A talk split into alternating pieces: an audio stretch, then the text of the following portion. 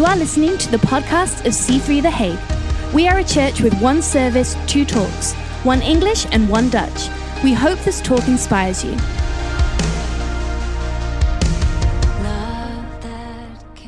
I want to read a scripture from Revelation chapter 4, verse 1 to 2. And it's an unusual scripture, um, but it's probably good to understand that uh, John, uh, the Apostle John, wrote this and he wrote this in circumstances that were really difficult.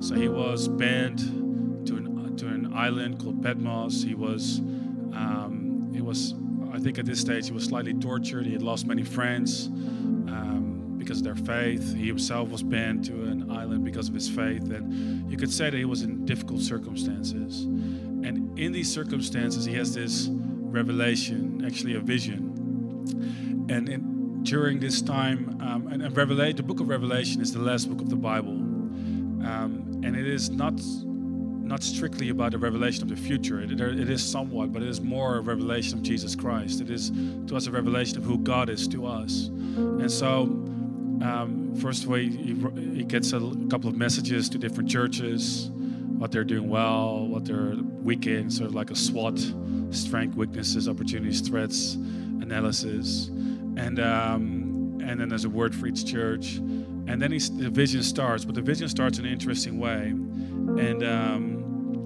and so I want to read this to you. It says, "After these things, I looked, and behold, a door standing open in heaven, and the first voice which I heard was like a trumpet speaking with me." You have to understand, by the way, that when the Bible speaks about these things, especially the book of Revelation, where says, I heard this voice like a trumpet.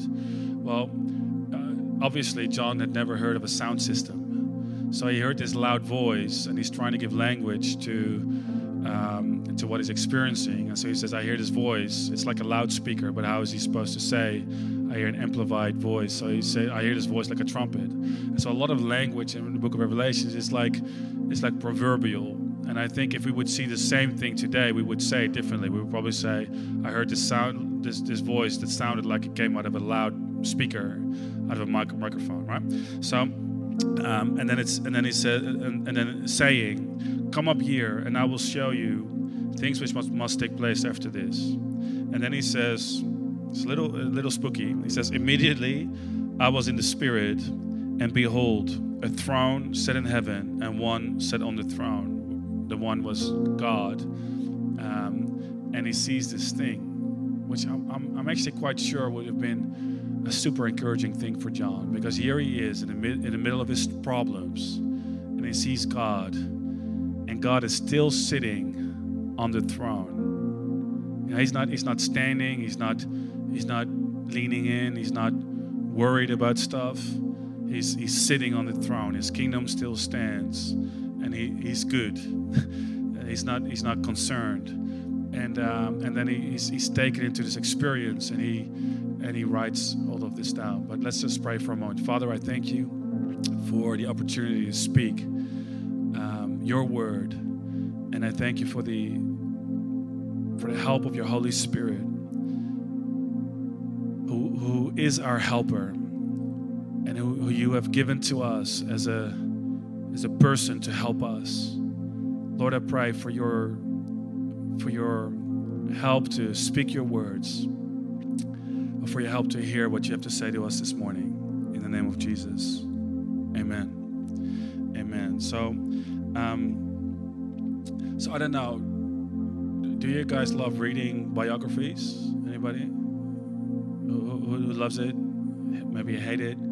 I, I, I, like reading some types of biographies. Um, I don't like other types, you know, the types that give you 15, 15 um, opinions on how, what, how something would have happened and then what the likelihood is. Scientific biographies, sometimes I find a little frustrating. I actually like autobiographies, but also more storytelling biographies. And so I've been reading a couple of popular ones. I would say uh, one that I really liked is the Billy Graham one that I've been reading recently. Um, uh, Billy Graham, a big television evangelist, uh, very much a pioneer in his time. I, I, I, love reading about it, about his life, and about how he began. Um, I, I kind of was intrigued by Steve Jobs' biography, uh, which came out a couple of years ago. although I thought it was pretty interesting how sometimes people, sometimes uh, recently after after he died, people started quoting little tips on Steve Jobs on how to raise your kids with with an iPad, you know what rules to set. And reading his biography, I thought, you know what, one of the things we shouldn't do is take parenting advice from Steve Jobs. I mean, he sort of like disowned his kids and everything. So I, I think that's sometimes quite hilarious. But anyway, I, um, I, I, I uh, what else? Um, I actually really enjoy reading about Winston Churchill. I actually read a 900 pager, very scientific book. Also, one one uh, of his biographies from Boris Johnson, who now is recently becoming a little bit more famous. But I read a couple of years ago. Pretty anti-EU, but uh, um, uh, like in terms of storytelling, really amazing. Good good read, I thought. Um, I I love reading about uh, the old revivalists, John G. Lake, Smith Wigglesworth, Mariah Woodworth-Etter, like crazy stories sometimes. Um, and I and recently, like like this week, I'm I'm in my Bible reading schedule. I'm reading about the old kings uh, in the Old Testament, and I'm reading the Book of Acts, um, where you see all the exploits of the early church and everything. Um, you know, I love reading biographies, but I sort of have a love-hate relationship with it because, in one way, it's inspiring because you read about all these people that do these amazing things and you're like wow this is incredible that they could do this. If you for example if you read how steve jobs how he um, he was born right in the right place at the right time and made absolute uh, use of it in the best way possible it was quite amazing. If you if you think about how all that came together and how he was friends with bill gates and their friendship and everything and how twisted up things were but it, it's it's it's really intriguing, right? Uh, Nelson Mandela, The Long Walk of Freedom. It's just fascinating to read these experiences. But I have a love hate relationship with these books and also the book of Acts because, in one way, it's encouraging, and in another way, it's very frustrating because you sort of think these people, they, because you don't, you don't get to read, you don't, you, you, you read it from you have a reason to read that biography, so you kind of know that they did something. So when you read about their youth, you're like, oh, don't worry about it, mate. You know, it's all going to be fine. And, and kind of you don't really see that, that feeling of absolute disappointment and, and, and the struggle. You know, when people out of their success talk about their struggles, you're, you're always like, yeah, don't worry about it because you know it's going to be good. And also, sometimes these stories are so amazing that they're really hard to relate to. When I read, if I'm honest, if I read about the book of Acts and I see like Peter just gave his first sermon, his first time preaching, actually it wasn't his first time preaching, but uh, he gave this sermon and 3,000 people are just saved and the church is starting and it's just busting with growth. And, and like the church in Ephesus was like 30,000 people and it was just crazy. Um, they were they were putting cities upside down, and it was just ridiculous. The fruit and the growth that they saw. They go up to church, there's a bigger. One of them says, Look at me. He looks at them. He's, he's laying with his feet, and boom, you know, and the whole city is in uproar. Sometimes I believe it's the Apostle Paul. Yes, Paul. He would walk, and his, shadow would hit a sick person, and the person would, "That's amazing," and the person would get healed. Do you know what I mean? They, didn't have time to pray for everybody, so they would pray for handkerchiefs and they would send them out. And the moment the, the, the, the, um, the tissue would touch a sick person, people would get healed. And it's sort of like, wow, that's encouraging that God can do that, but it's discouraging sometimes if you look at your own life and you kind of I think I think we we often wonder God you have you are available but are you available like that for me? And so, John here, I find it fascinating. He sees a door opened in the heavens. I want you to get this picture. Like when I look at the picture, I see John like standing on the beach of some some sort, and he, he just has this vision, and he sees like very high in the sky. He sees this door, and the door is opened. First of all, it's it's extremely and so, and so this, this is both encouraging and frustrating because there's an open door at a big distance. That's what I would call this message an open door at a distance. And so he sees this opportunity. And I want to tell you this the gospel is an open door for you. God has opened an amazing set of doors of opportunity for you. Jesus for you is an open door into, into a life that is abundant and that is full of promise. It was Paul who wrote that, uh, he wrote this to the church in Corinth, where he says, In him, in Jesus Christ, all the promises of God are yes and amen in him. So that means that he has opened up the, the ancient promises, like hundreds and thousands of promises for us, and they are yes. It's like Jesus is God's permission stamp, his approval stamp saying, this is this is your request. I'm I'm approving it. This is this is yes. Amen. This so it shall be. This is I mean see John sees this door and the door is open. And I want to really specifically tell you, I believe that there are doors for you that God has opened for you in, in heaven. I believe that there are opportunities for your dreams, and God has opened them for you. I believe that there are things that don't need to be opened anymore. I believe there are things that have been opened. I believe that there are desires that you have, and, and God has opened an opportunity for those desires. But the, the frustrating thing is, is, is, is sometimes it's difficult to get there. How am I going to get to the promises of God? So we've been talking about greatness past five weeks.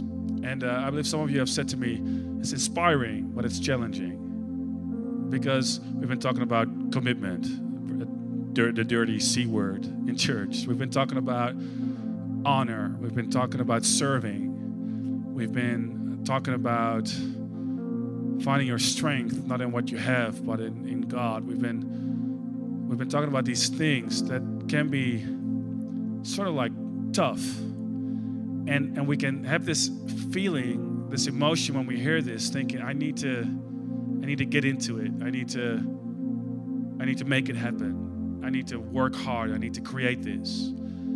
Um, but i want to tell you these these these things um, most of these, things that we've been talking about i would personally say i've been like like like i'm i'm on a journey. I, I have struggled with these things. And sometimes god sort of needs to encourage me in my walk, kind of in my attitude. For example, you know, when we talk about serving the church, well, there are moments that sort of God needs to strengthen me to say, remember who you're doing this for. Remember that you're doing this for me. I'm not saying the church is ungrateful, but all I'm saying is that when you work with people, people will often not see the price that you pay for things. And sometimes, unfortunately, people take things for granted, even in, in a great place like church. So, so you will do things, and, and people will not totally appreciate what it cost you, and I will do things, and people will not totally appreciate what it cost me. And every once in a while, God sort of needs to help me because because because I, I find these things challenging. I find it challenging to, you know, God had to do like a series of miracles for me to be committed to a church. like, like, because I'm pretty stubborn. I'm quite set in my ways. I, I know what I want. I'm pretty specific. Um, maybe I can be slightly critical, and so you know, it's it's it's these these, these I'm, I'm saying all this to just mention all these things are great open doors. And sometimes they seem like a literal open door, like, yeah, duh, like it's logical. But just because it's an open door, it doesn't mean it's easy to walk through it. And so, a lot of these, if greatness was easy, everybody would be great. but but there, there's no, my experience is there's no traffic jams on the second mile. It gets really busy on the first mile. But, but, but on the above and beyond, it gets very like it's very easy to to walk there, although it's not because it's anyway. You get what I'm saying, right? It's not a lot of traffic there, and so and so we've been talking about greatness, but I I just want to get this picture that there's an open door at a big distance, and we need help to bridge that gap. And I find it so amazing because John sees this door at a distance and then he says, he hears this invitation. He says, it says, Come up here, I will show you what needs to happen. And then he says, Immediately I was in the Spirit and I saw. And so he went through the open door through the Holy Spirit. And I want to I want to talk to you. Um, I want to give you a couple of things. And I haven't been able to give the Dutch service a lot more things, but um, I want to sort of help you with a couple of things, a couple of ways in which the Holy Spirit helps us to go through the open doors that God is given to us at a distance. Is, is it helpful?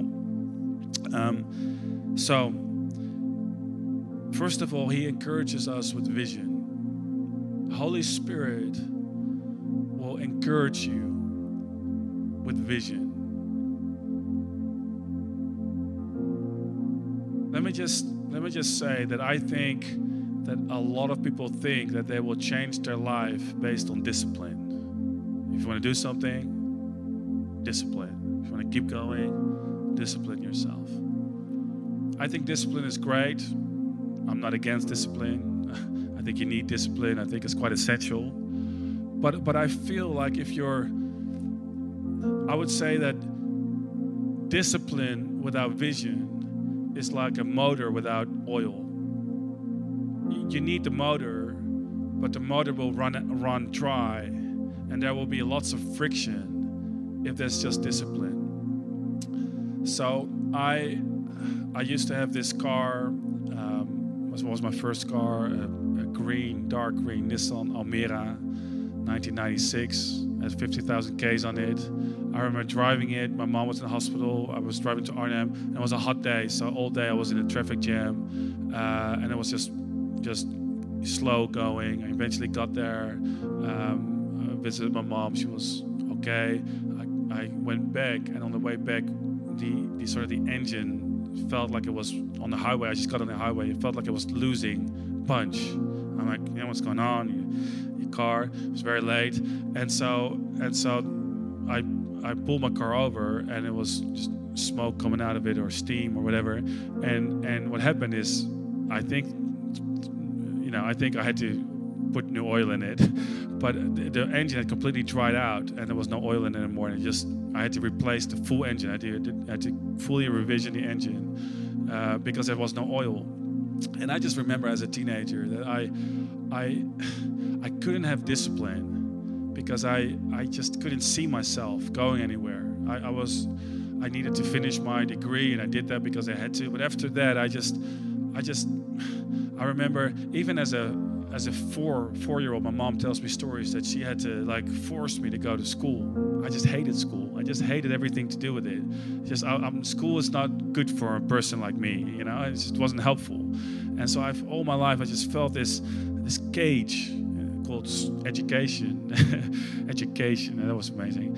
Um, and so um, Hilke likes that. Hilke likes word jokes. So he's a word joke guy. And so he's going to preach soon. He probably will have a couple of up, up his sleeve. He was saving a year for that. And um, but um, you know, when I started reading the Bible myself, when I started praying, I was raised as a Christian, but when I started reading my Bible and praying, something happened in me, and I just got a desire. It's like I saw myself in the future. It's, it's, it's almost like I, I, I could get a glimpse of what God had for me. I could see the open door, and I saw it. And, it, and one of the main characteristics is that the, of the Holy Spirit is He will give you dreams and He will give you vision. I think this is the one thing that He does. It says, Jesus says about the Holy Spirit in John 16 13, he says, When he, the, the Spirit of truth, has come, he will guide you into all truth, for he will not speak of his own authority, but whatever he hears, he will speak, and he will tell you of things to come. See, this is one of the characteristics of the Holy Spirit. He will show you what will happen. And I, I would say, not so much necessarily in the global affairs, politically and whatever. Maybe He will. But I think in your life, He will just kind of like give you glimpses. He will give you pictures. He will, I would say, He will give you desire. Will give you a longing. And, and I would say vision will have discipline for breakfast any day. It will, it will just stir up discipline because the moment I got vision, like I'm still amazed at the transformation that I saw when I was 18 years old, at how I started reading the Bible and started praying, and started getting grit in my work and my college degree and everything. And and I would say like there's there's some disciplines in my life right now, but they always come from vision. I, I so so the Holy Spirit will encourage you with vision. When the Holy Spirit will lead you into truth Actually, that was the second thing I'm going to share. So let me just do that. It will, it was the Holy Spirit will strengthen you with truth. That's actually the last thing I will share too. The Holy Spirit will encourage you with vision. He will strengthen you with truth. It says that He will lead you into all truth. And I, and I would say Jesus, the definition of Jesus is, is truth. He's called the Word of God. He is truth. He is He is truth. And and again, I think truth without vision so just truth and discipline is going to be is going to lead to religion, and I think religion religion will, will eventually lead to something something a little.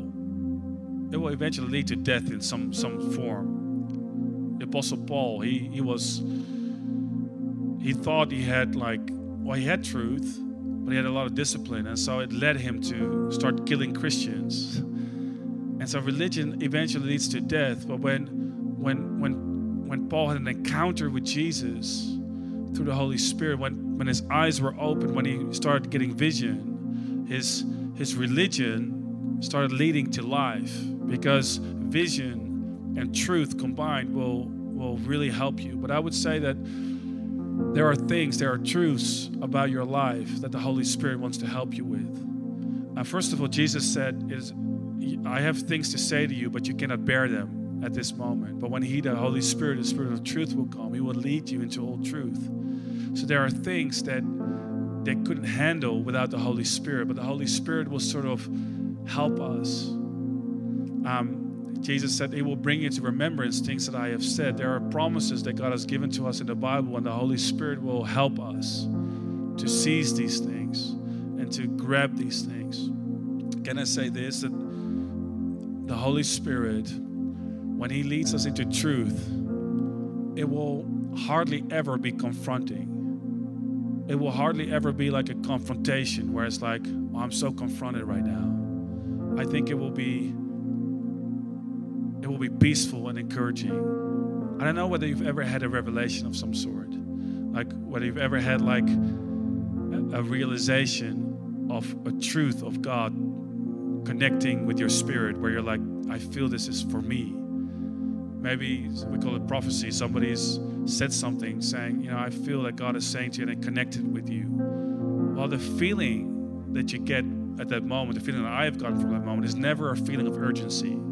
Never a feeling of, oh, I better get going right now. I better better get to it. And the feeling that I usually get is a sense of, I got this.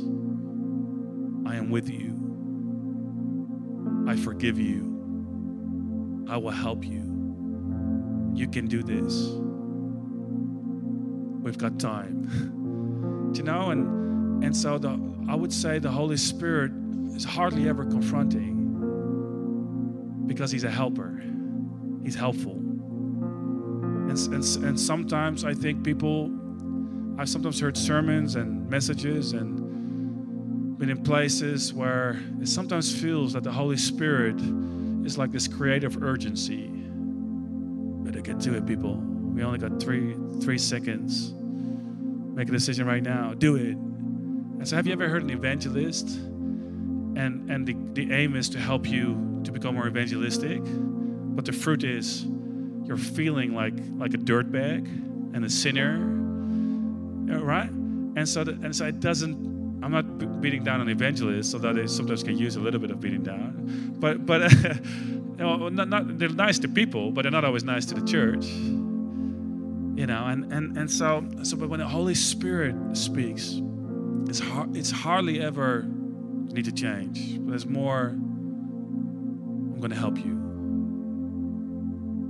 You're good. it's going to be fine. And so there's a sense of peace. And the thing about peace, the Bible talks about peace that goes peace that goes beyond, above knowledge, the peace of God that surpasses all knowledge. But see, often I would say that the Holy Spirit reminds us of truth, truths that are not contrary to logic and facts. It's just things that are not urgent to us at that moment, but the Holy Spirit reminds us of importance. So it's not like he he bypasses logic. It's more that he, he's reminding us of the truth, the facts that are that are superseding other facts. And so it's like he sets priorities for us. And and I think and I think is extremely helpful. The Holy Spirit, let me finish with this, is is called our helper. And so there is there are many opportunities and open doors. And I feel like some of these subjects that we've been talking about, serving, commitment, honor, probably indirectly generosity, all these things, they might feel impossible. It might, it might feel like maybe you're thinking, well, the, like, like this is who I am. I am stubborn. I am passionate. I am emotional. I'm kind of talking about myself right now. I don't know what, what, what your issues are. uh, you know, and and you kind of start to believe things about yourself, and you think, oh, "I will never change. This will always be this way." But the Holy Spirit is able to remind you of truth, of who Jesus is in you and what you can do. And that, that can be miracles, people, that will take place in your life when the Holy Spirit helps you. Thank you for listening to this podcast. If you want to know more about what's going on at C3 The Hague, please follow us on Instagram. We'd love to see you on Sunday.